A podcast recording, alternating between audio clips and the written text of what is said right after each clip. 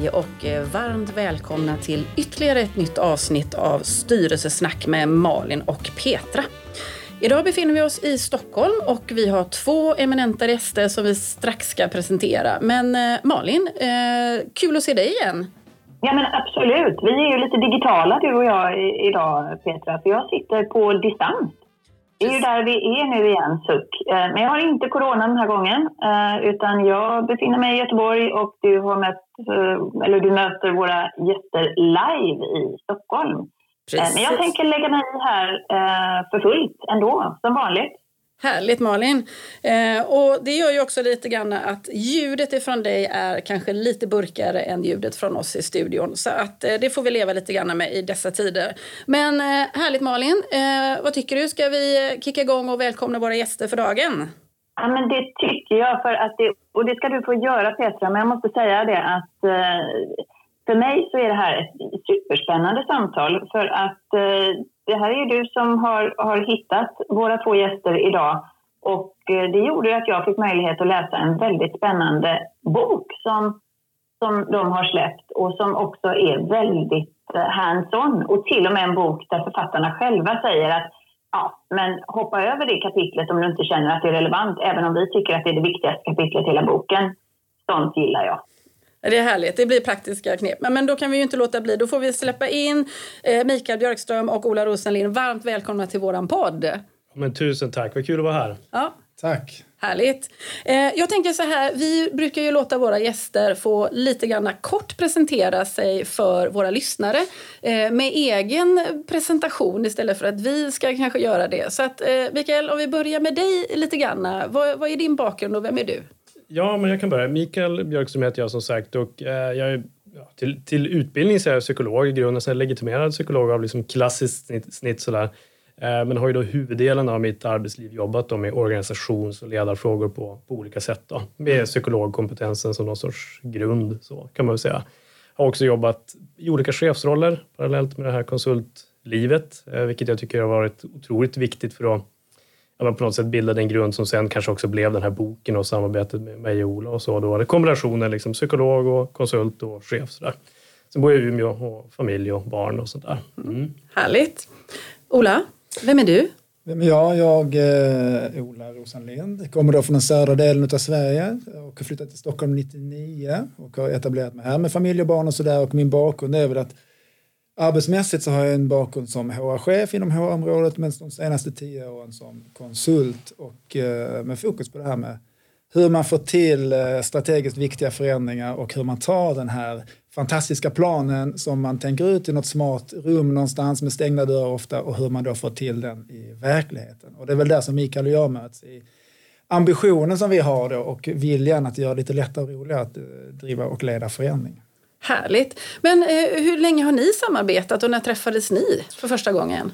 Ja, Ola, när var det vi tror att vi träffades? Kan det ha varit 2015 eller? Ja, något sånt tror jag det var. Ja, det var ett väldigt spännande möte faktiskt, för det handlade om en, en större, ett större uppdrag, ett förändringsuppdrag där, där en, en industrikund som bad oss, faktiskt tre olika bolag, att tillsammans hjälpa dem med ett förändringsprogram kan man säga, som var ett ganska långt omfattande program där, där man från kundens sida pekade liksom på tre olika aktörer, tre olika bolag, så att ni får göra någonting tillsammans för att hjälpa oss här. Så att, och det var då, det var då jag på den tiden jobbade på Previa, jag hade ansvar för den, den liksom organisationen och ledarskapsdelen där och Ola kom från Enindo och så var det ett annat bolag med, med också. Så där, där började vi liksom egentligen som konkurrenter, men vi satte oss runt ett bord och sa att okej, okay, det här blir spännande, låt oss göra det här tillsammans. Så att säga. Så att, eh, där började det, 2015. Mm. Säga. Och det funkade så bra så att till sist eh, när det uppdraget var slut så bestämde vi oss för att ska vi inte göra någonting ytterligare tillsammans av det här då? Och eh, startade vårt gemensamma bolag 2019, Making Change som vi kallar det och eh, som vi driver tillsammans nu. Då. Mm. Och så kom ni ut med den här boken då, eh, 2021 eh, blev det va? Eh, eh förändringens fem fallgropar och eh, hur du undviker dem. Och, eh, alltså då tänker jag så här att eh, i ert arbete så hade ni en tanke om att det saknades någonting förmodligen i kunskap i organisationer kring de här delarna som ni då eh, ville förmedla på något sätt? Är det, är det liksom så ni funderade och tänkte liksom när det här kom, kom fram? Ja, men eh, verkligen efter att ha jobbat med, med de här frågorna och, och stöttat eh, ledningsgrupper och enskilda chefer och utbildat, tränat, kört workshops och allt möjligt så eh, tyckte vi båda två liksom, att påfallande ofta, så även att vi har gjort de här insatserna, sen, sen så kom någon, någon eh, utsatt chef eller någon vd och sa okej okay, jag har fattat att det här är viktigt men imorgon nu när jag ska dra igång det här, hur ska jag konkret göra då? Eh, och så tittar vi oss omkring och sa att det saknades den övergången. Det finns oerhört mycket kunskap om det här. Alltså det finns massa skrivet, det finns mycket spännande böcker, bra modeller och sådär. Men just den här, eh, hur gör jag praktiskt och konkret? Eh, tyckte vi att vi inte riktigt hittade när vi såg oss omkring. Då. Mm. Eh, och eh, började där, så, ja, men vad, hur kan vi fylla den luckan och göra det lite lättare då för de här personerna som ska leda sina förändringar. Mm. Och det är ju en man som heter Stefan Söderfjell som har skrivit förordet i er bok och det är ju faktiskt på den vägen jag första gången kom i kontakt med er för att eh, både jag och Malin vi jobbar ju i sammanhang med, mycket, med bolag som utvecklas i mycket förändring, jobbar med innovation eh, och eh, både du och jag Malin vill ju också jobba så nära forskningen och vetenskapen som möjligt så att det, liksom, det finns beforskat, eh, hur, om, om det finns beforskat. Då. Och det är på den vägen som jag kom i kontakt med Stefan som sedermera sen också då eh, när ni kom ut med boken la ut det eh, i sociala medier och på den vägen så fick jag ju liksom upp ögonen för den. Eh, så att, eh, och det är ju därför vi sitter här idag. Så vi får ju tacka Stefan för det mm. då. Tack Stefan. Tack, Nästa gång får vi, får vi ha med oss Stefan också. Så. Men just det här med att eh, jobba i bolag strategiskt som en styrelse faktiskt ska göra så innefattar det numera för alla bolag i princip att det är någon form av förändring som ska göras. Och då vill ju vi som styrelse finnas där för organisationen, för bolaget, för att hjälpa dem så gott det bara går i de här förutsättningarna. Mm. Så för oss är det ju ett oerhört viktigt och eh, väsentligt område som styrelse. Men då är jag ju lite, eller vi är lite nyfikna på då, hur mycket har ni jobbat med styrelser i ert arbete med förändring? Men det, och det är lite så här bra fråga att få då, i en podd som handlar just om styrelse. Eh, så. Och där är ju svaret väldigt lite, eller egentligen inte alls. Alltså, I alla fall inte ur det förändringsperspektivet. Så. Alltså, jag tror jag pratar både för mig och Ola att vår erfarenhet är ju grundad på ja, man ska säga, den operativa genomförandedelen, VD och neråt eller, eller då inom offentlig sektor, liksom GD och, och neråt på det sättet ungefär. Så, så det, det är ju spännande också att få tänka på liksom, och prata om styrelseperspektivet kopplat till, till förändring. För någonstans är det ju ändå styrelsen som sätter eller i alla fall har möjlighet att påverka både villkor och riktning och sådär för, för verksamheten, vilket ju påverkar naturligtvis förmågan att lyckas med förändring och hur många förändringar kan man klara av samtidigt och sådana saker. Så att styrelseperspektivet känns ju supercentralt att eh, liksom prata om. Så tack för, för inbjudan. Utifrån det, tycker ni i, i de case, i de fall där ni har varit involverade, tycker ni att har ni sett någon aktiv styrelse där? Även om det inte är styrelsen som är uppdragsgivare, eller är det någonting som ni skulle vilja redan nu skicka med en styrelse? Mm. Det är klart att sånt här dyker ju upp på alla ja, men Det här är en förändringsresa vi håller på att göra. Ja, vad ska man ställa för frågor då som styrelse?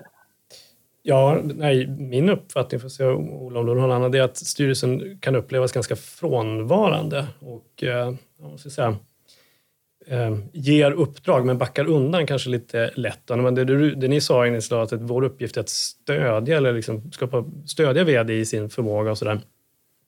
Det kanske man inte ser tillräckligt ofta utan att styrelsen kanske uppfattas av verksamheten ganska avlägsen då.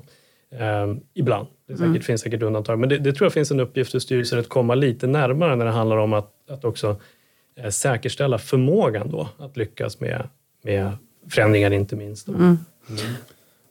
Och balansgången där blir väl naturligtvis att styrelsen, för att jag kan tänka att det finns en eh, förväntan, eller önskan från organisationen att få klara sig i stor utsträckning själv och man vill ha ett avstånd emellan. Och samtidigt så ser, om vi pratar att styrelsens roll är att skapa förutsättningar bygger på att man har förståelse för vad, vad, som pågår på riktigt ute i verksamheten. Så att den här balansgången gissar jag att man som styrelsemedlem måste brottas med också många gånger. Liksom, hur nära kan vi gå?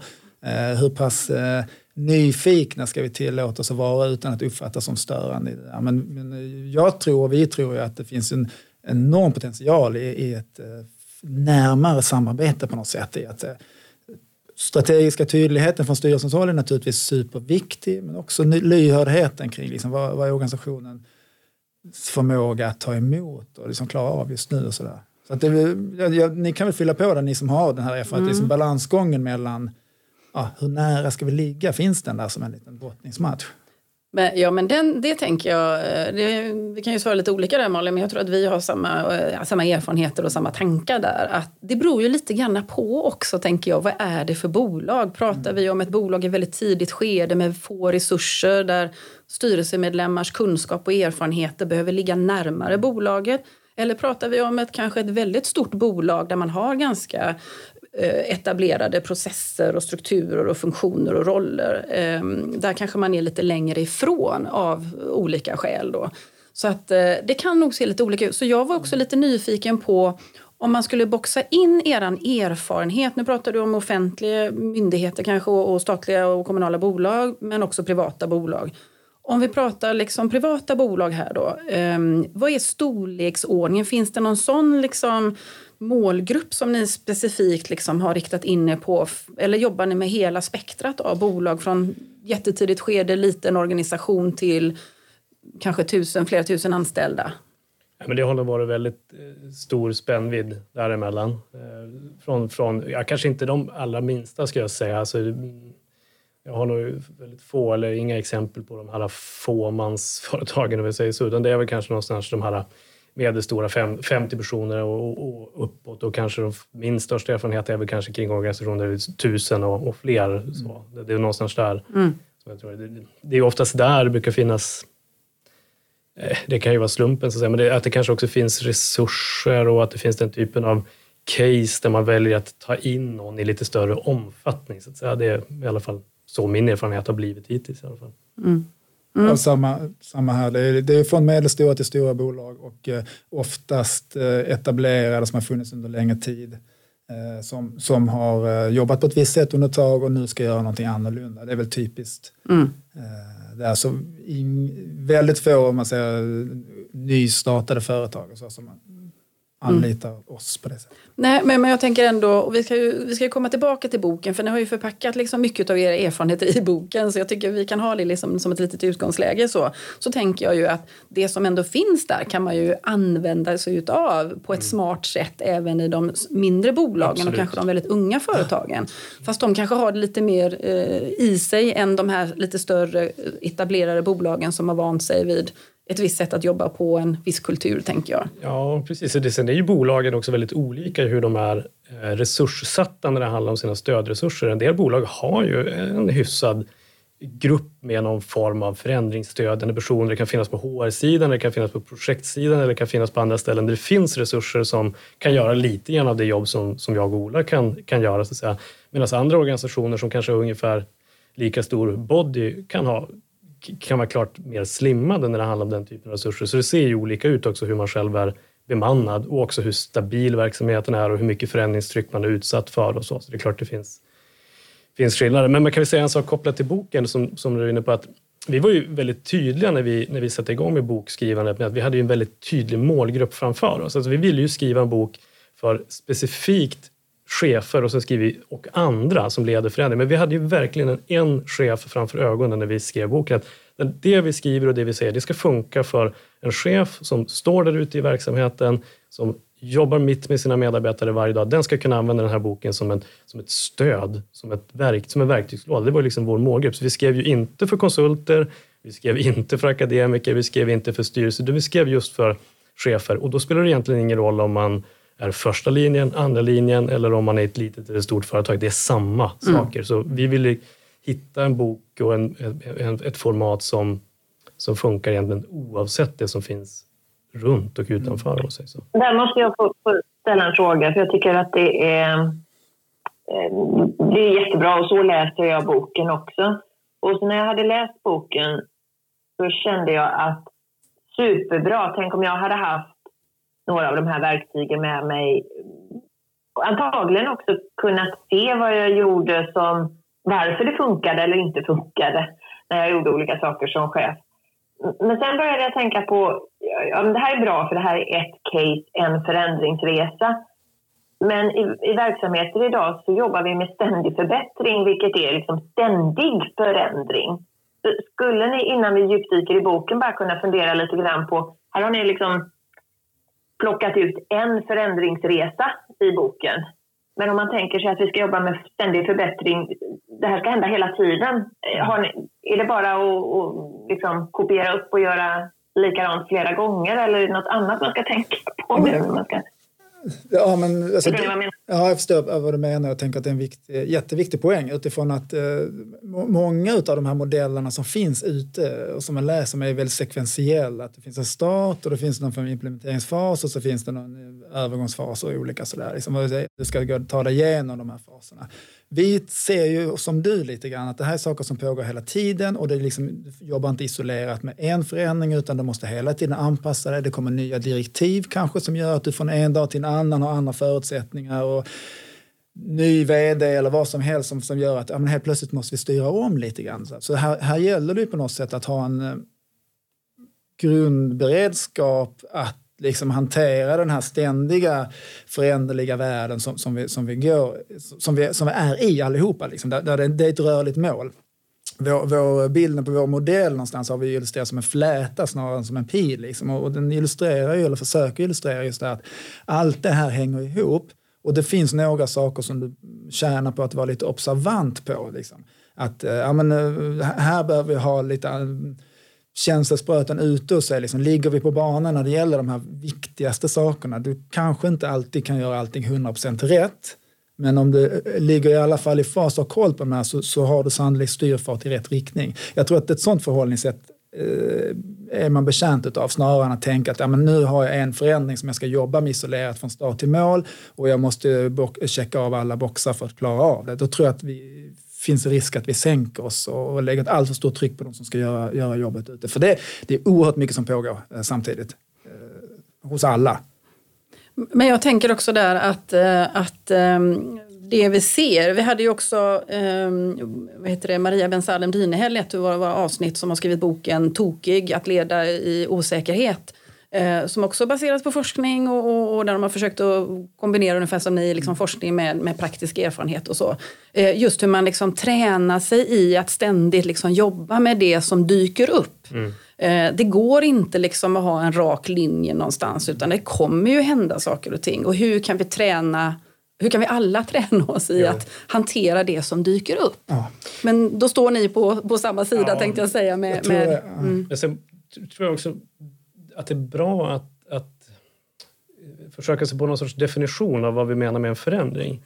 För det är ju, det är ju ett jättebegrepp. Alltså vad menas med en förändring? För det du Malin är inne på är ju, okej okay, det spänner ju från det här äh, ständiga förbättringar som är in inkrementalistiska små stegens liksom löpande förbättringsarbete. Det kan vi kalla förändring. Och sen kan vi prata om en omstrukturering där vi ska downsiza och, och rita om organisationskartan samtidigt som vi ska implementera tre nya digitala arbetssätt. Det kan vi också kalla förändring. Så både skalan, tidsutdräkten eh, och komplexiteten kan ju variera på ett sådant sätt som gör att ja, men vad, vad, menar vi egentligen när vi pratar om förändring? Och, och, för att komma runt det där eller på något sätt hitta vårt sätt så bestämde vi oss för att okay, målgruppen för vår modell, om vi säger så, det är en person, en chef eller någon annan som leder en förändring. Och definitionen av förändring, den är brutal konkret, som att någon ska göra någonting annorlunda imorgon. Så vi skjuter ju in oss väldigt tydligt på people side-sidan av förändringen som handlar om att någon ska göra en beteendeförändring. En eller flera ska göra en beteendeförändring. Och om vi då i exemplet med ständiga förbättringar, att det handlar om att någon ska göra någonting annorlunda, bryta mot ett invant beteendemönster, och så, då är det ur vårt perspektiv en förändring. På samma sätt som man ska ja, lära sig arbeta på ett mer omfattande sätt i en, i en ny arbetsprocess, det är också en förändring. Och, och, det var utifrån den definitionen som vi också identifierade de här fallgroparna. Alltså när vi vill att någon ska göra någonting annorlunda, var kan det tänka sig då gå snett? Och det visar sig då att det finns ett minfält som väldigt många känner igen sig i och som är en otrolig benägenhet att upprepa sig på ett väldigt förutsägbart sätt. Att det är samma liksom, minfält som, upp, som, bevis, som visas varje gång. Liksom. Mm. Så. Så, men jag, men jag tänker just det här med, för jag vill, vi vill ju naturligtvis att vi ska gå igenom de här fallgroparna okay. som vi har kommit mm. fram till, tänker jag. Men, men på, på, på temat det här med definition så mm. tror jag att det är ganska viktigt i alla organisationer att vi är överens om vad är våran definition mm. av det som vi just här och nu pratar om. Precis. Och där tänker jag, med, med liksom det här med, som vi pratar om, styrelse, ledning och, och vd, att vi måste ju prata samma språk. Mm. Så att inte en styrelse pratar ett annat språk än vad kanske vd och ledningsgruppen gör. Eller att vi har en vd som pratar ett språk med styrelsen som inte ledningsgruppen förstår. Så där tänker jag liksom att oavsett vad vi än pratar om så är det här med att ha gemensamma definitioner på ja. det som vi ska göra tillsammans eh, är viktigt. Klokt och viktigt. Ja. Och en uppgift för en styrelse är nog att rensa lite grann i begreppsfloran och att själv vara lite försiktig i vad man menar när man säger att nu ska vi förändra någonting. Mm. En sak vi har stött på och som har varit frustrerande också är ju att organisationer, medlemmar i organisationer upplever ju många gånger en sorts förändringströtthet utan att det egentligen pågår någon specifik förändring. Därför att det pratas om förändring. Vi ska göra oss redo för förändring, vi ska förbereda oss för förändring. Förändring är ständigt pågående och så vidare. Vilket innebär att man blir liksom stressad och lite trött av själva ordet förändring egentligen har de här personerna gjort precis samma sak varenda dag de senaste två åren. De har inte gjort någonting nytt alls, men de är ganska trötta på begreppet förändring. Jag vet inte om ni känner igen er i, i det. Och det gäller just att vara sparsam då, för när vi verkligen vill att någon ska göra någonting annorlunda, då är det viktigt att veta att nu är det förändring. Mm.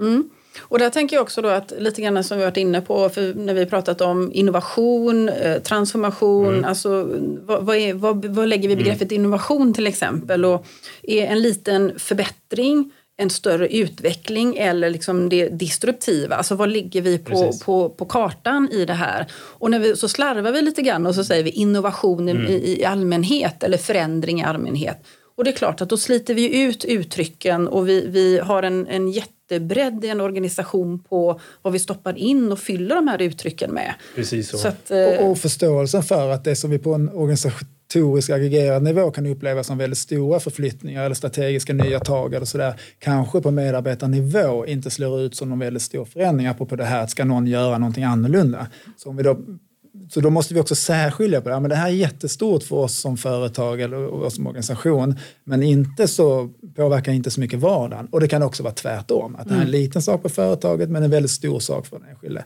Och där behöver man också, tror jag, se till så att man Ja, igen då, att man synkar ihop språket och vi är medvetna om de olika perspektiven. För där kan det bli krockar som också leder till, som Mikael är inne på, leder till den här stressen. Om det är så att jag inte upplever förändring men jag tänker att jag förvänt, borde förväntas eh, förändra någonting som jag inte är medveten om och sen har, lever jag inte upp till förväntningarna. Så, eller tvärtom. Mm. Så att just för det här att hänga ihop tror jag är viktigt och ända från styrelserummet ner på, på ja, medarbetarnivå då, så att ja, men det här definieras på olika sätt på de olika nivåerna. Och här tänker jag lite grann att eh, alltså vi, i många av de svenska bolagen som vi har så har vi ju ägare mm. som alltså, ju, om vi backar bandet lite grann, så för oss i styrelsen så får vi ett uppdrag av ägarna. Ja. Om de är tydliga med det. Eller så får vi be dem bli tydliga. Det är utifrån det sen som vi faktiskt lägger strategier tillsammans med organisationen eller hur det nu ser ut. Mm. Och utifrån det sen så kommer vi fram till att ja, vi behöver göra ett antal förflyttningar eller förändringar. Så att allting hänger ihop och då har vi ju många svenska företag som har ägarna även både i styrelsen men också som kanske både ledare, vd i organisationer som eh, har funktionen operativa verksamheten. Mm. Då har vi ju hela linan som vi mm. behöver prata med så att mm. man inte en dag som ägare till sin styrelse säger en sak och sen när man går in i sin ledarroll när man då ska verkställa någonting gör någonting annat. Eh, det har jag i alla fall varit med om ett antal gånger att eh, det låter väldigt bra här men någon annan ska göra det uppenbarligen inte jag. Mm. Inte ens jag som ägare. Mm. Har, har, ni sett det på något sätt? Nu jobbar ni i lite större organisationer så det kanske inte är lika synligt med ägare men ni borde ha stött på det kanske någonstans tänker jag. Eller? Alltså, det finns alltså utifrån ett intressentperspektiv, om man tänker att ägarna är en väldigt central intressent och det kan ju finnas i, i stora bolag kan du ha tunga intressenter på andra alltså, och, och, och det här med att du har olika roller och olika hattar på dig i olika rum Eh, om det är det som vi skulle kunna på något sätt eh, koka ner det i så, så tänker jag att det där är ju någonting som, som eh, bidrar inte minst till den eh, om man säger, första fallgruppen som vi har som eh, handlar om liksom att vi jobbar med ett vi är för vaga i våra beskrivningar. Eller så. Och att om jag då uttrycker mig på ett sätt i ett rum och sen tar på mig min andra hatt och uttrycker mig på ett annat sätt eller så, så skapar det ju förvirring naturligtvis. Och tilliten till, till det som jag presenterar blir låg naturligtvis. Och det tror jag är oberoende om det är en ägare som kommer in eller om det är någon annan intressent som, som kommer in. Eh, och just det här att det konkurrens, alltså vikten av att vara konkurrent i, i det som man pratar om. Mm. Mm. Och I boken så pratar ni om reaktiv och proaktiv förändring. Mm. Kan ni inte bara liksom beskriva det lite grann? Vad, ja. du, du, det, man hör ju vad det är, men jo, ändå. Men liksom. Precis, man hör vad det är. Men, och, och, men den är ju där kan man lätt eh, förvirra sig i massa teoretiska, liksom, filosofiska begrepp. Men, men, men det är inte poängen, utan poängen är nog att träna upp sin förmåga att, att, att göra skillnaden mellan sådana förändringar som är reaktiva anpassningar till någonting som vi i någon mån måste anpassa oss till, för det kanske redan har inträffat någonting i omvärlden eller i, i, i, bolaget som innebär att vi måste anpassa oss till det här. Corona är väl ett typexempel på det. När det händer någonting som innebär att du har inte valet att inte ställa om till digitala, eh, digitala mötesformer. Du måste göra det så. Eh, så det är ju en reaktiv förändring. Där är det ju, där är ju, anledningen till att känna till det, det är att när det är en reaktiv process, då är drivkrafterna ofta ganska tydliga. Alltså det, det, du måste i någon mening. Eh, så där behöver man sällan liksom jobba så starkt på drivkrafterna. Däremot så har du på minussidan att du ofta har bråttom, så du hinner kanske inte involvera, du hinner inte tänka ut den bästa lösningen, utan det kan det ju handla om att liksom efterankra och liksom fånga den bästa möjliga lösningen just nu och sen får man anpassa. Så, att säga. Så, så plussidan, liksom tydliga drivkrafter, minussidan, det går fort många gånger. Den proaktiva förändringen, den är ju lite grann tvärtom på ett sätt. Utan där är det ju så att du vill fånga en möjlighet eller eh, undvika någonting på förhand. Så, att säga. så där har du ju problemet med drivkrafter. Alltså där är det ju så att ja, men om vi tar exemplet med digitala möten innan pandemin. Så att, ja, vi ville ju digitalisera våra mötesformer då också, men det gick väldigt långsamt för att, därför att det var så det var på listan av, jo det vore väl intressant, men det går ganska bra med fysiska möten också. Så att säga. Svaga drivkrafter, där är det på plussidan, du har ju tid att involvera, du har tid att eh, vara innovativ, testa olika lösningar, du har eh, eh tid att kanske Eh, Eh, köra piloter och på olika sätt skapa en väldigt bra och smidig förändringsprocess. Så. Poängen med att skilja de här två det är ju att veta vad, vad, är det, vad är det vi står inför nu? Är det en, är det liksom en anpassning eller är det en möjlighet vi ska fånga? Eh, problemet vi ser det är ju, det är när, man, när man inte, och, och kanske framförallt när man jag försöka förenkla så gott jag kan när det är en reaktiv förändring och ledningen låtsas som att det inte är det utan liksom kör en låtsasinvolvering som innebär att medarbetarna bara slösar tid på att vara med och liksom diskutera saker som egentligen redan är beslutade. Så att säga. Det är ju ett misstag. Och, och, och, i den proaktiva sidan, att man tror att det räcker med att säga att det här är viktigt. Det räcker liksom inte, utan det måste ner liksom mer i motivatorerna där. Mm. Men så tänker jag också... Jag, jag läser det lite grann som, som piska och morot. Ja. Att den, i den reaktiva eh, fasen så, så är, är, hotet där väldigt tydligt. Eh, om vi inte gör det här så blir det elände um, och, och, man kan få, få ett engagemang på grund av ett yttre hot. Mm. Um, men alltså i den proaktiva fasen så um, alltså det, det brukar inte vara enkelt att genomföra förändring som inte är nödvändig bara med hot. Precis. Exakt. och kan man... lite grann också. Du måste sälja in det betydligt mer om det är en proaktiv förändring.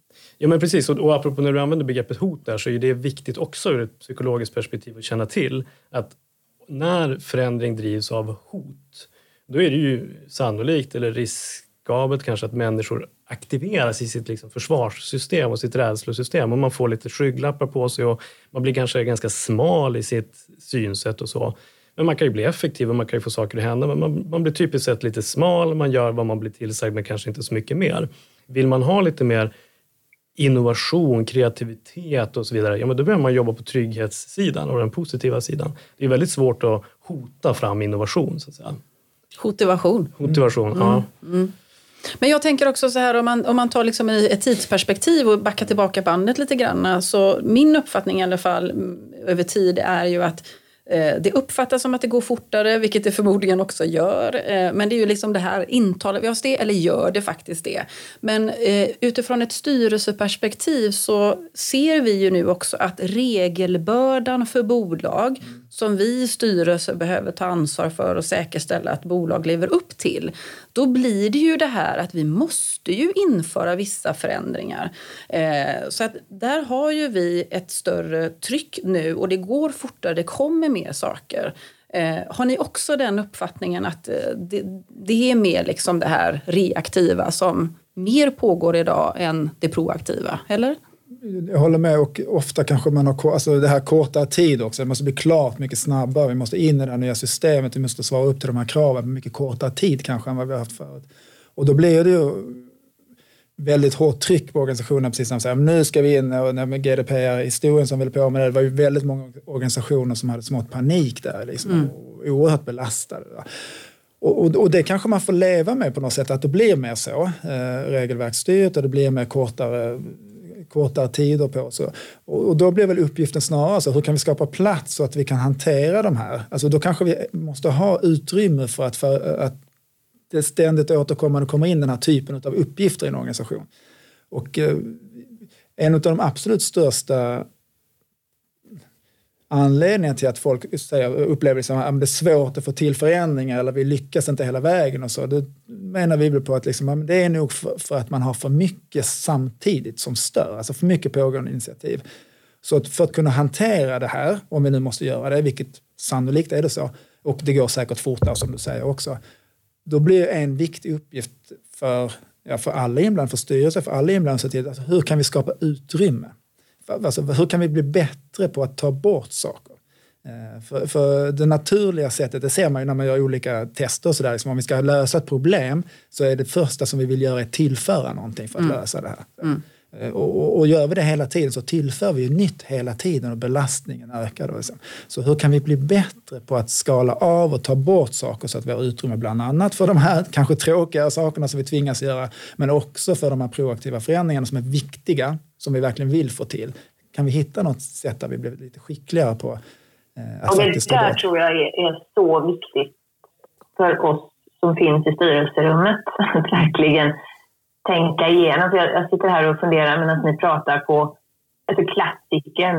Eh, man, man, finns i styrelserummet, eh, ledningen kommer och berättar att nu ska vi göra en jätteinvestering i ett nytt IT-system. Eh, och det kommer att bli så bra och vi får en tidsplan och vi får en budget och vi tycker det är skitdyrt och tar jättelång tid. Och så säger vi ändå, eftersom jag har varit med förr, att är ni säkra på det här? Det tar alltid dubbelt så lång tid och det kostar alltid dubbelt så mycket pengar. Jo, jo, men vi är jättesäkra på det här. Ja, och så trycker man på knappen och sen finns det ingen återvändo. Och det blev ju ändå så att det tog dubbelt så lång tid och kostade dubbelt så mycket pengar och sen var systemet dessutom obsolet när, när det väl var, var infört. Um, men hade vi fått reda på det från början så hade vi ju inte sagt ja.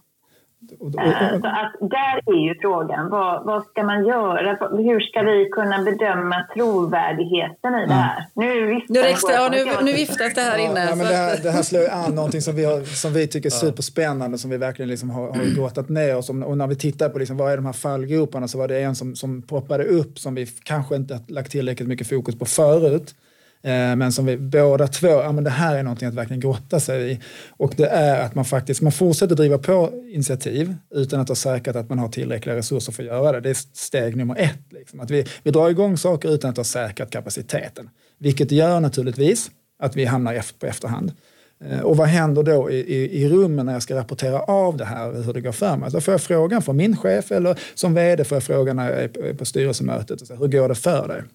Då tycks det vara så att det är mer belönande om jag säger att jo då, det rullar på, än att jag skulle säga att shit, jag har kört i diket, det här ser inte alls bra ut. Liksom. Vi, vi, så det är mer belönande att hålla på att faktiskt nicka och säga ja, fast jag i magen vet att jag jobbar mot mål som jag inte kommer nå.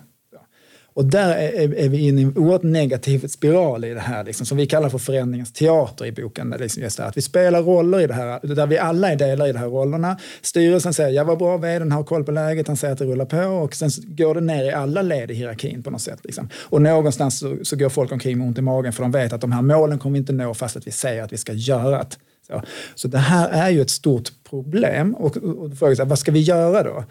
Ja, då blir det på något sätt att vända det här genom att hur kan vi göra det mer belönande att vara transparent i, i att beskriva läget? Och hur kan vi se till så att, ja men vad bra att du ryckte i, i nödbromsen här, låt oss sätta oss ner tillsammans och se är det någonting vi kan göra, finns det något hinder som vi tillsammans kan undanröja eller sådär, eller kan vi avsluta, pausa någonting här så att vi ser till så att det här som vi verkligen fokuserar på kommer upp på banan igen. Så vi på något sätt att komma ifrån det och jag vet inte om ni delar vår bild, men just det här att som vi upplever så är det i alla fall idag mer belönande att nicka och säga ja än att faktiskt mm. lyfta på problem många gånger. Så. Men, om vi tar tillbaka det till Ola, vill du säga någonting i detta? Du viftar också. Får, får jag komma in en, en kortis bara för att göra det lite styrelseperspektivet i det här? Jag tänker att dels så är det ju en, en, en medskick till oss i styrelser att vi faktiskt ska fundera över det här belöningen av transparensen som, som du pratade om. Eh, att vi har ett klimat i styrelserummet som är öppet och som faktiskt eh, där en vd kan komma in och känna att det är helt okej okay att vara transparent och inte bli belönad för att det går som man eh, har tänkt sig. Va? Och sen tänker jag också att ordföranden som jobbar närmare vd mellan styrelsemötena också måste stimulera och, och, och skapa den här känslan av att nej men, hellre att du säger att det är, liksom, vi behöver göra någonting annorlunda i tid än att eh, det, det fortgår. För att vi har ju ett ansvar för bolagets resurser. Mm. Vi är tillbaka till resursfrågan igen. Vi måste jobba med prioritering, fokusering och den här transparensen och vara tok-transparent eller ärlig eller hur vi nu ska kalla det för. Så jag tänker att det är, det är ett medskick till oss i styrelsen ja, att jobba på den frågan. Ja, absolut. Och haka på där lite grann, för det finns ju det finns många eh, mycket, mycket att säga om det här. Men inte minst Mats Alvesson har ju varit på den här bollen med, med sina skrifter så här, om funktionell dumhet och tomhetens triumf och sådana saker som ju berör det här. Liksom att vi tycks ha en förmåga att ändå syssla med en del teater som skapar in, eh, mindre, mindre bra processer. Vi försökte bidra till det och det kanske kan vara en styrelsegrej då att läsa kapitel 6 i boken som är det kortaste kapitlet, det är två sidor. Vi tror att det är det viktigaste kapitlet. Eh, för det, det är ju som vårt försök att ändå rama in vad borde man bli duktig på för att inte upprepa de här att köra igång grejer som inte behöver köras igång eller köra igång grejer på fel sätt eller så. Så då har vi ställt några frågor där som vi tycker att man ska besvara och den första frågan är liksom, löser den här förändringen ett verkligt problem eller fångar en reell möjlighet? Liksom? Och det gör det väl många gånger. Liksom, så. Men det finns ju kanske en möjlighet att verkligen fundera på, är det här verkligen viktigt? Så. Kommer man förbi den nivån, tänker att jo men det är det ju, det här är ju jätteviktigt, så, så behöver man ju fundera på, av alla tänkbara viktiga saker, är det här verkligen det viktigaste just nu? Klarar man sig förbi den nivån så kommer man till frågan, den här lösningen som vi har tänkt ut, är det rätt lösning på det här problemet? Så det är ett, de tre första stegen för att komma, komma igenom, igenom det.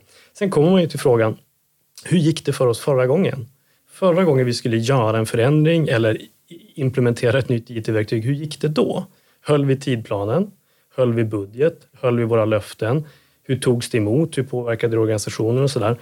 Om det då visar sig att nej, men vi gick inte riktigt i mål enligt tidplanen, då måste man ju där stanna upp och fundera på vad är det, på, på vilket sätt är det här paketerat eller resursat annorlunda den här gången som gör att vi faktiskt inte upprepar förra gångens teater så att säga.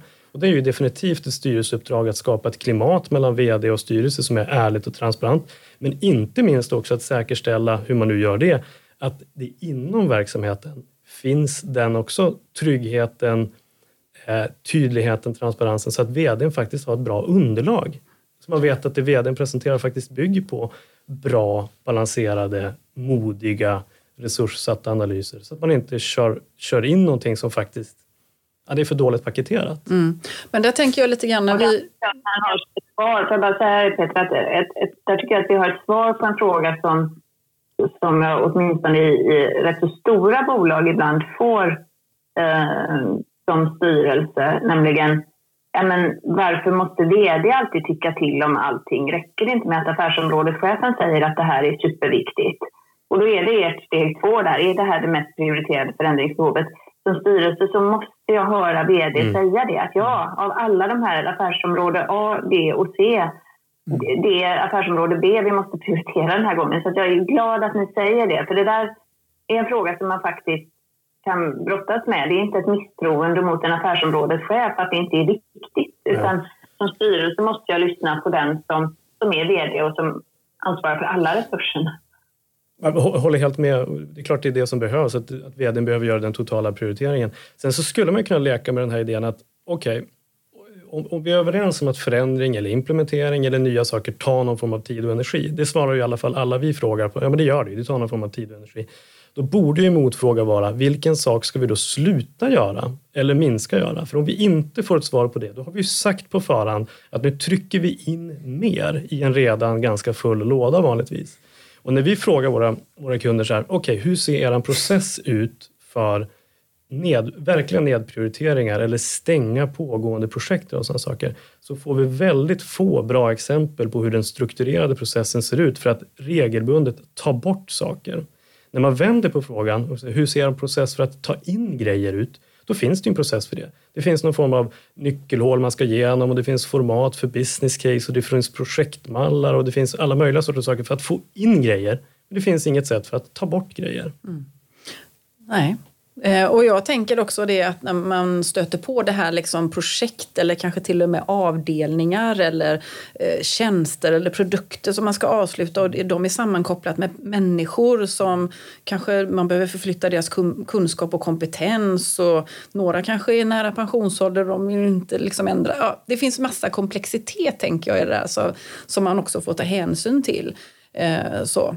Men jag tänker så här, i boken eh, så pratar ni om det här med strategiska, strukturella och kulturella perspektiv. Eh, kan ni lite grann förklara vad ni menar med det så att eh, lyssnarna får med sig det?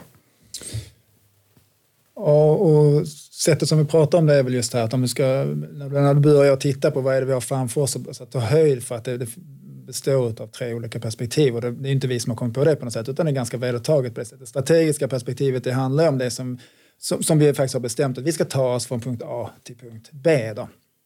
Uh, av någon anledning. Vi ska byta, vi ska in på en ny marknad, vi ska ha en ny produkt eller vi ska jobba på ett annat sätt. Det är det strategiska perspektivet. Och sen så behöver du ha ett strukturellt perspektiv som, som, som stöttar det här. Det vill säga hur ska vi organisera oss kring det här? Liksom, vad behöver vi ha för form av rutiner och mallar och all, alla de här hårda sakerna som vi behöver in? Eh, vilken, behöver vi ha nya regelverk eller någonting sånt där? Och sen så behöver du då koppla på det kulturella perspektivet. Nu är det kulturella kanske ett slitet uttryck, men liksom people side eller vad man nu ska kalla det. Då, liksom. och som innebär, så, okay, hur behöver vi göra då? Vilka, vilken typ av ledarskap behöver vi ha för att skapa den här förflyttningen? Ehm, slå det an på någonting utifrån våra grundläggande värderingar, vilken kultur vi har i, i bolaget och så där. Och alla de här tre perspektiven behöver man ta höjd för om man ska nå fram i tid. Det vi ofta ser, eller vi ser väl en viss förbättring och förändring senare tid, men det vi oftast har sett är att vi är väldigt duktiga på det strategiska perspektivet, ganska snabba på att komma fram nya idéer och ganska snabba på att beskriva förflyttningar från A till B. Och vi är också duktiga på det strukturella perspektivet, ganska snabba på att rita rutor i organisationen. Nu, ja, men det, okay, det bygger på att vi får formulera om avdelningen A ska nu delas upp och bli avdelning B och C istället och sen så flyttar vi och sen så jobbar vi med numerär och olika sådana här riktlinjer. Köper prylar. Köper prylar och IT-system och, och så. Eh, precis, IT-system är, är, ju bra. Liksom. Så det, det inför vi det. Så tänker vi att ja, men bara IT-systemet går live så har vi lyckats med vår förflyttning. Då. Så att den 31 mars då när vi, när vi trycker på on-knappen på det här nya fantastiska systemet som vi ska rapportera ifrån och med nu då, då är vi klara. Men inte sällan då så upptäcker man att det var ju någon som skulle jobba i det här systemet och de har inte varit med från de allra sista veckorna här, så de är inte alls på banan. De jobbar ju fortfarande med frågan varför är det här verkligen det bästa systemet vi ska ha? Eller vad, vad händer med min block och penna som har funkat i alla, alla tider? Så. Och då upptäcker vi att när vi går live då 31 mars, då hade vi inte det kulturella perspektivet med oss. Då, vilket gör att vi tappar både fart och tid och pengar och allt möjligt. Då. Så vikten och poängen är ju att redan från början ta höjd för att återigen kopplat till den första frågan, är det här någonting som kommer innebära att någon ska göra någonting annorlunda? Det vill säga, är det här en förändring som, enligt vår definition? Då behöver vi jobba med det redan från dag ett och se till så att de här tre spåren hänger ihop. De är alla viktiga. Mm. Mm. Ja, då fick vi lite förklara för det. Men då tänker jag så här att vi, vi kan väl eh, gå in lite grann i de här fallgroparna då. Mm. Det finns ju massa frågor på vägen tänker jag. Men eh, om vi ändå liksom, vi vill ändå ha med lyssnarna in på de här, mm. det säger ju ändå fem fallgropar. Ja. Då, då, vill man ju ha med sig ja. de här fem ja, fallgroparna tänker jag. Så om, om, vi kan liksom gå in på det spåret ändå eh, och försöka definiera upp de här eller förklara de här olika fallgroparna som ni har kommit fram till. Ja, det kan vi, vi kan först säga någonting om hur vi kom fram till dem. Ja. Det var ju som, det började med en nyfikenhet vi, vi satte oss ner och funderade på okej, okay, hur kommer det sig att det inte alltid går så bra och inte ens går så bra när man anlitar oss? Och hur kommer det sig att vi själva liksom också, trots all teoretisk kunskap, inte alltid liksom eh, lyckas så? Det är ju, det är ju märkligt. Så då gav vi, och det var ju faktiskt innan vi bestämde oss för att skriva en bok så bestämde vi oss för att vi, vi, vi vill prata med människor. Så vi gav oss ut på en sorts intervjujakt kan man säga. Vi pratade med rätt mycket folk, alltså chefer och konsulter och, och så. Och, och oss själva och frågade vad är, vad är det vi stöter på? Och så tyckte vi att vi lyckades koka ner det här till fem stycken fallgropar som i någon mån går att hålla isär. Och sen så kollade vi av sen då med med, med, forskare som sysslar med förändring och implementering. Så, men finns det någon sorts stöd för det här? Och sen så sa de, ja men det verkar det göra och så. Så då bestämde vi oss för att kategorisera de här fem sakerna. Så det var bakgrunden. Jag kan ju ta den första så kan vi liksom hjälpas åt här. Den första fallgruppen, den handlar om att man, vi kallar det för att man, att man kör på i dimma. Alltså att man driver en förändring som är för dåligt definierad eller att den är definierad på för hög nivå som, som innebär att de människor som är med i det här inte vet vad det innebär för dem, kan man väl säga sammanfattningsvis. Alltså det kan ju låta som att vi ska, bli, vi ska digitalisera verksamheten, vi ska bli mer kostnadseffektiva eller vi ska, göra, vi ska skapa en bättre kundupplevelse eller någonting sånt kan det heta. Eh, som ofta folk håller med om. Eh, men sen visar det sig att man vet inte vad betyder det för mig? Vad ska jag göra för någonting? Så första fallgropen man färdas i dimma, väldigt vanligt. Mm. Precis, och den andra då som vi pratar om det är att man helt enkelt när man kör igång där så tror man att den idén man har eller den förflyttning man beskriver är så pass bra och intressant så att den säljer sig själv. Så att man kör helt enkelt ifrån de som ska vara med och jobba i det här eller ibland till och med att man kör över dem. Man, man eh, tänker ut saker i sitt smarta chefsrum som man sen går ut och berättar för folk att, eh, hur bra det är och sen så tror man att man ska bli mottagen som en hjälte och som har kommit fram till den här kloka idén. Eh, men märker snabbt då att det här det här liksom jublet kanske byttes mot eh, att folk satte sig med armarna i kors och inte ville vara med istället. Då. Eh, så att man, man, eh, man tror att idén är så stark som talar för sig själv och man, man, glömmer bort människors både behov men också väldigt starka förmåga till delaktighet och bidra och att involveras i, i det här. Eh, och, och missar både all den klokskap som finns ute i organisationen men, men också så riskerar man att man startar i uppförsbacke genom att folk sätter sig på tvären. Och sen så, som att ytterligare spä på den här fallgropen då, så möter man då motstånd så eh, beskriver man det eller förklarar det som ett, någonting som sitter hos de andra. Det vill säga att det är ett personlighetsdrag. Det är för att människor är motståndare. Sådär. Och då bygger man ytterligare på det här eh, distansen mellan sig och de som ska förflytta. För motstånd i sig är ju bara en reaktion och, och om istället för att placera det hos dig skulle lyfta upp spegeln och fundera på, men finns det någonting som vi hade kunnat gjort annorlunda för att få en annan reaktion? Eller finns det någonting i den här förändringen som vi har beskrivit eller sättet vi har beskrivit den på som faktiskt är anledningen till att du ställer frågan varför ska jag vara med på det här? Ja. Och tar jag upp spegeln så blir det ett annat förhållningssätt än om jag skulle säga att ja, men det är faktiskt bara för att Petra, du är ju en sån där motståndare. Precis. Och jag tänker också det för att och, och liksom ta det till ett styrelseperspektiv att det är ju någonting vi i styrelsen också behöver tänka på. För vi jobbar ju otroligt mycket med delegering. Vi jobbar ju inte lika nära bolagen och i bolagen på samma sätt. Så att det där behöver vi också ta till oss. Liksom, vad är det som vi behöver titta oss i spegeln i för mm. att liksom eh, se vad är, vad är det vi kan göra annorlunda. Och det är också en ordförandes roll, tänker ja. jag, för i sitt ledarskap, både i styrelsen men också i, i samspelet med vd. tänker jag. Och, och våra grundantaganden om andra människor eller hur vi sättet som vi ser på andra människor har ju väldigt stor betydelse på hur vi sen börjar närma oss eh, en relation eller liksom närma oss en situation. Och vi gillar ju att fråga saker när vi är ute. Så alltså vi, vi brukar passa på för egen skull också slänga iväg någon mentimeter eller så kring olika saker som vi är nyfikna på. Och då brukar vi nästan alltid när vi träffar ledare, liksom, vi har säkert frågat över 500 nu, liksom, eh, synen på människan. Är människan i grunden snarare intresserad och positivt inställd till förändring eller är människan i grunden snarare alltså, motståndare eller avvaktande till förändring? Och i alla rum som vi, som vi har varit i hittills så är svaret att ja, men vi är snarare motståndare till förändring. Så, det sa alla. Och sen så säger vi, ja, men okej, får vi ställa en fråga till då? Du då som sitter här, du som sitter i det här rummet, skulle du klassificera dig själv som snarare positivt inställd och, och gillar förändring eller snarare som motståndare till förändring. Och surprise, surprise, så eh, de som vi träffar i alla fall, och vi kanske har eh, tur då på något Det sätt. cherrypickar. Ja, Mm. men precis. För i alla rum som vi har varit så har man snarare placerat sig på den andra sidan Mm. mittlinjen. Och där någonstans blir det en intressant fråga då. Liksom. Antingen så är det så vilken jäkla röta vi har som har träffat just er.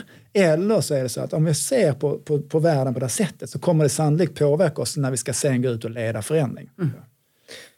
Ja, precis. Och det där måste jag säga bara som en, en bekräftande kommentar på det. Jag har varit med om exakt det i ett uh, rätt stort bolag eh, där det skulle göras en väldigt stor förändringsresa. Eh, det var bara det att, att den här gången så...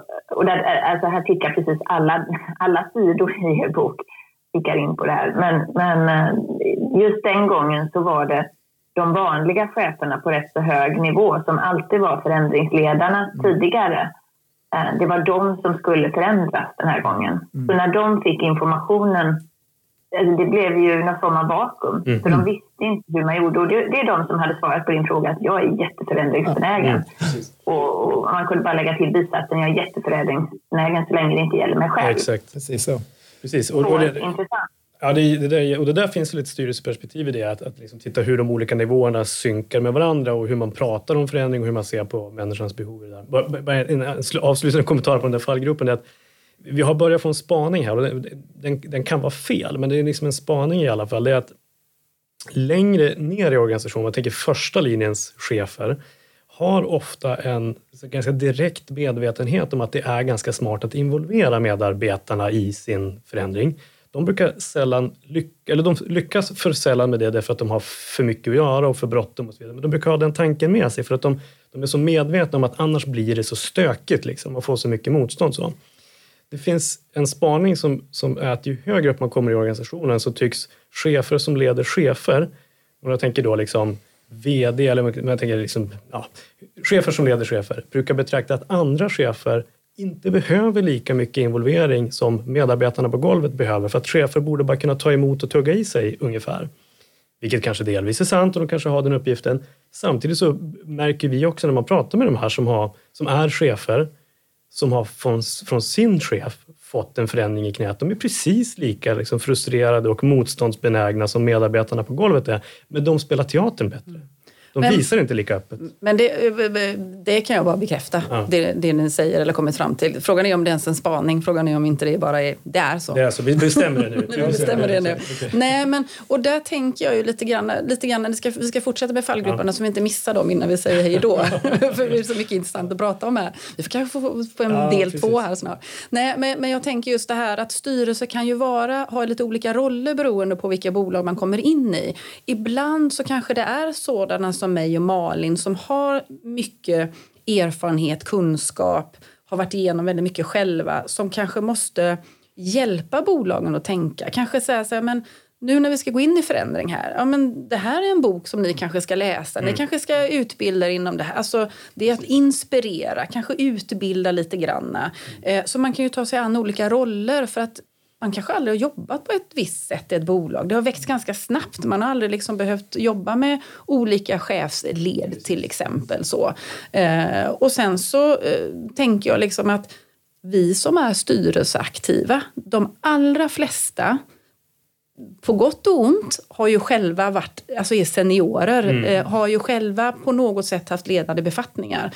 Det är oftast de som idag tas in i styrelser. Eh, och hur bra har vi kanske varit på Ja, eh, just det här liksom. Så att det är ju att tänka efter och titta sig själv i spegeln i det också tänker jag. Öka, öka liksom sp- spridningen och bredden i styrelsen så att det på något sätt fler jobbiga frågor kanske. Det, det, det jobbar vi på. Ska vi hoppa till tredje Ja, frågan? jag, tänker, jag, jag tycker vi gör det. Vi får hjälpa lyssnarna på traven här lite grann, som, som är ju väldigt duktiga, som hänger med här, de här långa resonemangen. Men vi, vi kliver in på, på fallgrupp nummer tre här då. Och, och, det- den handlar ju om, om att, att det finns en tendens, eh, tyvärr, att, att bli ensam som ledare i förändringen. Alltså att ledaren, Eh, oavsett om det är en chef eller någon annan som har fått uppgift att leda en förändring, gör det på ett sådant sätt att man blir onödigt ensam. Det vill säga man aktiverar liksom inte tillräckligt mycket stöd runt omkring sig i form av ja, sin chef kanske eller sidordnade kollegor eller kanske mest uppenbart att man ser till att få tillräckligt proaktivt hjälp av till exempel HR funktioner eller IT-funktioner eller sådär. Utan det man gör är att man, man ser det som sitt uppdrag. Man ser det som, det ingår i min roll att lyckas med det här, här, här. Man glömmer bort att det är ett organisatoriskt åtagande så vi borde uppträda gemensamt i det här. Eh, och när man får hjälp så är det för att man har kört ner i diket och ropar på hjälp från HR så att säga och man har inte haft med dem tillräckligt proaktivt från början så att säga. Eh, det som händer då när man blir ensam det är ju att man faller ju för lätt när det då blir stökigt, vilket ju mer ofta än sällan blir någon gång i förändringsprocessen. Så står man där lite för ensam, det blir för tufft och man blir liksom omkullblåst i stormen. Så att säga. Så, ensam stark, mm. tror man. Mm. Och det är väldigt få saker idag som, alltså, det är så komplext idag så det är väldigt få saker som vi kan klara själva. Att vi överhuvudtaget har en sportslig chans att klara själv utan att involvera andra. Och det handlar ju om det, liksom på något sätt mobilisera så många runt omkring dig så du slipper driva det själv. Mm. Ja. Ingår det i det här, eh, det vi pratar om det här lite skådespeleriet också som vi har för oss? Mm. Eller? Det kan det göra, det kan det göra. Men det hör ju framför allt hemma i den fjärde fallgruppen då som vi, okay. som mm. var inne på. Som då handlar, så var en snygg uh, övergång där, som, som handlar om det här liksom, att vi kör på utan att säkra, vi pratade om det förut, vi fortsätter köra på fast att vi inte har säkrat de resurser som kommer kräva. Vi har, vi har inte tagit höjd för att det tar extra tid att, att driva förändring, vi har inte tillfälligt utökat resurserna tillräckligt att vi ska klara det. Då, liksom. och, då, och det är ju det då, om vi då börjar mörka det eller vi inte liksom rapporterar det transparent, det är då vi hamnar i teatern. Så att säga. Men, men fallgropen är ju det att, just att vi fortsätter att trampa på som om vi skulle klara det fast att vi vet att vi inte kan. Mm. Mm. Mm. Och den sista då? Ja, den sista, sist men inte minst, den eh, handlar om att vi ropar hej för tidigt eller inte alls som vi har döpt den till. Och det, den är, den är väldigt tydligt kopplad till, eh, alltså, är man i den första fallgruppen, det vill säga att man färdas i dimma, då är det väldigt stor risk att man även har eh, en eller båda fötterna i den här fallgruppen. Det vill säga man har inte något bra system för att, och system behöver man inte krångla till då med något IT-system. Man vet inte tillräckligt väl hur det går, alltså man har inte satt upp ja, tillräckligt tydliga indikatorer eller sätt att följa progressen framåt så att säga. Så att man, liksom, ja, man famlar på i den där dimman då för att man inte har kopplat på någon form av mätsystem till den. Och när man inte har det, då, det ju, då finns det ju en risk att när det då eh, blir till exempel en, eh, en tillfällig framgång i förändring, det börjar gå bra, så tänker man att yes, nu har vi nått mål och så backar man liksom ur förändringsfokus och backar ur förändringsresursen och så har man dragit fel slutsats. att okay, att, att, det, att det kändes som att vi var på gång här, det var bara för att vi hade workshops. Vi hade liksom ett antal workshops här som handlade om det nya IT-systemet. Folk verkade vara på banan, men när vi slutade ha workshops så visade det sig att ingen har börjat med att använda det nya systemet. Så man har liksom tittat på fel saker, man ropar hej för tidigt eller av fel anledning. Eller om man har en dipp, att det, liksom, det, det känns som en dipp och så, och så ger man upp och blir för deppig av det. För att man har inte koll på att egentligen har vi tagit ganska många steg framåt och det kanske är givet nu att det blir ett visst bakslag. Det är inget konstigt med det. Så det handlar om att kliva upp på hästen och fortsätta igen. Så att säga. Så att, sista fallgropen, för dåliga system för att följa framgången. Man analyserar för lite framgång och bakslag och så ger man upp av fel anledning. Så att säga. Mm. Förändringen. Och vanligt är ju också att vi, vi mäter mot någon form av effektmål, det vill säga alltså vi, vi, vi på den övergripande nivån kanske vi någonstans räknar med att vi ska få ökade intäkter eller vi ska få sänkta kostnader eller vi ska göra någon annan vinst på det här. Liksom. Men, men, men den är ju ofta fördröjd i effekt. Och om vi håller på att mäta på den och ställa frågor varför ser vi inte sänkta kostnader, varför ser vi inte sänkta kostnader? Så tyck, upplever kanske de som jobbar väldigt mycket med det här, men ännu så har det inte fått någon effekt på den nivån. Att vi, att vi då inte ställer frågan, liksom, okay, gör ni de här sakerna som vi tror ska leda till sänkta kostnader till exempel, mm. och mäter det istället. Utan att om man bara mäter på slutmålet så är ju också risken att man tröttar ut uh, organisationen eller att man slutar för att man tycker att vi ser ändå ingenting hända. Nej. Men i själva verket, så alla de här beteendena som vi gör kommer att på sikt leda till sänkt kostnad mm. eller ökad intäkt. Jag läste faktiskt en ganska färsk rapport, eh, forskningsrapport som handlade just om ordför, en god ordförande. Eh, och en av de principerna, de hade kommit fram till åtta principer som, som liksom gjorde en, någon till en god ordförande. Eh, och det var bland annat det här som jag tyckte var ganska intressant. Vi är ju ganska tränade i det här målet, det här utgångsvärdet. Vad är det vi vill ha ut av det här? Men där man i forskningsrapporten sa så att nej men, styrelsen och ordförande vi ska fokusera på kvaliteten i ingångsvärdena. Och det var liksom en sån här ha-upplevelse för mig. Eller liksom lite så här att herregud, vi är jättetränade i det här som är utgångsvärdena och, och det har vi gjort i så många år.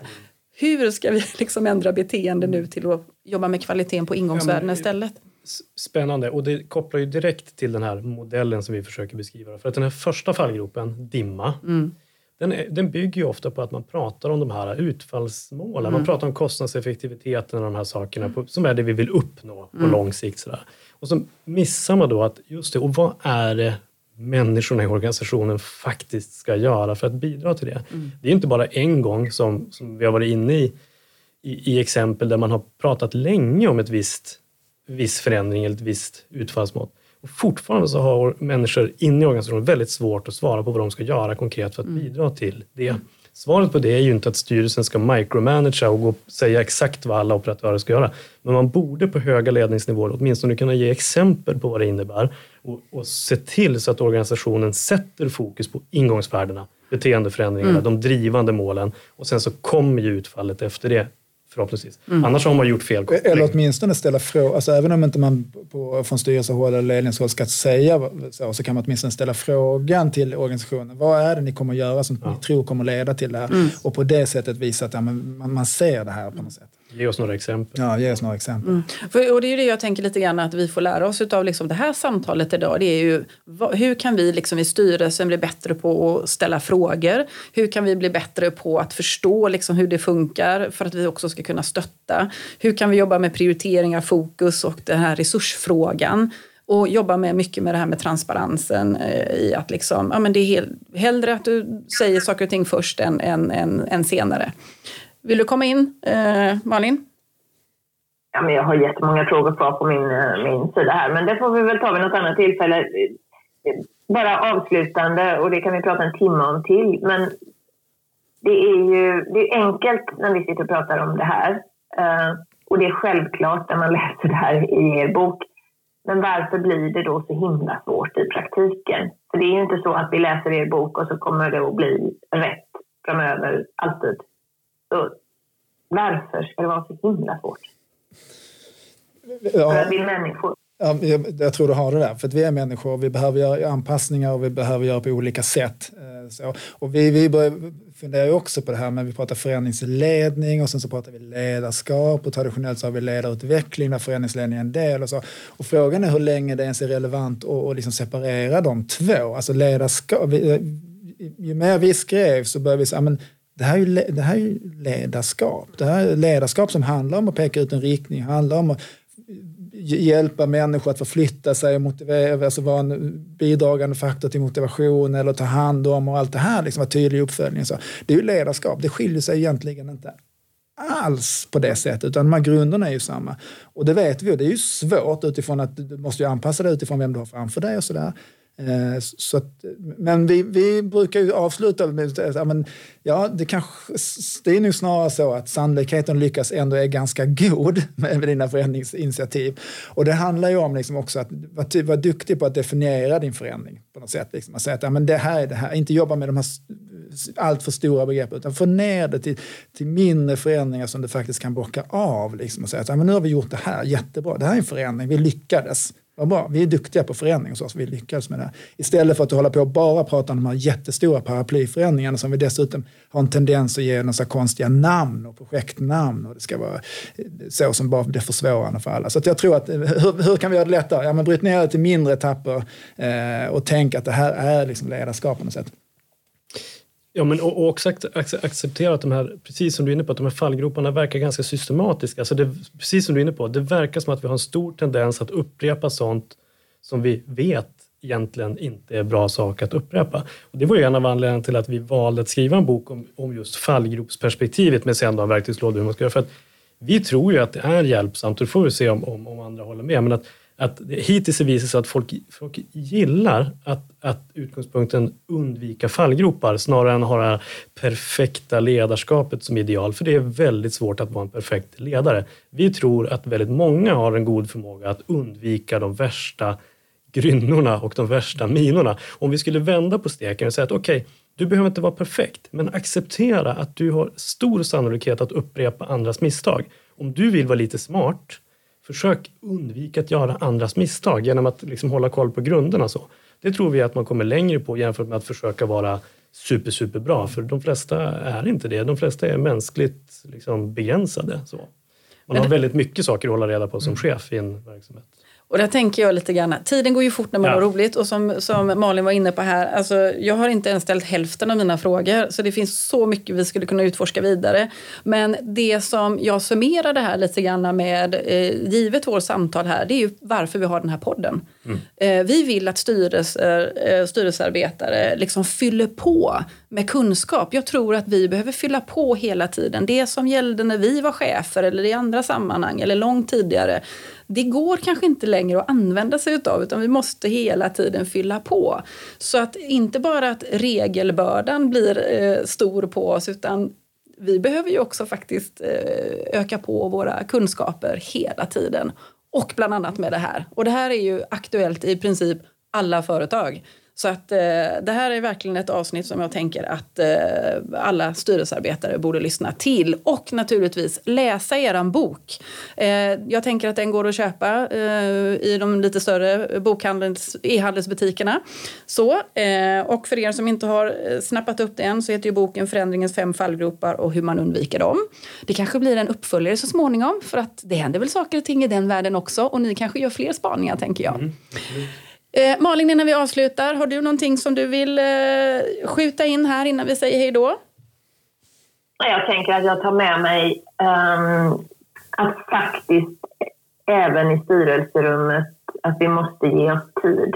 Vi måste reflektera uh, för att kunna stötta på rätt, uh, rätt sätt uh, och undvika fallgroparna. Yes, då får det bli de avslutande orden tänker jag Malin från Götlaborg. Så eh, tack så jättemycket Ola och Mikael eh, för idag och för era, att ni ville komma hit och dela med er av era tankar, idéer och erfarenheter. Så får vi se om vi får återkomma helt enkelt eh, med någon uppföljning. Tack så jättemycket. Tack, tack själva. Tack själva. Vad fint.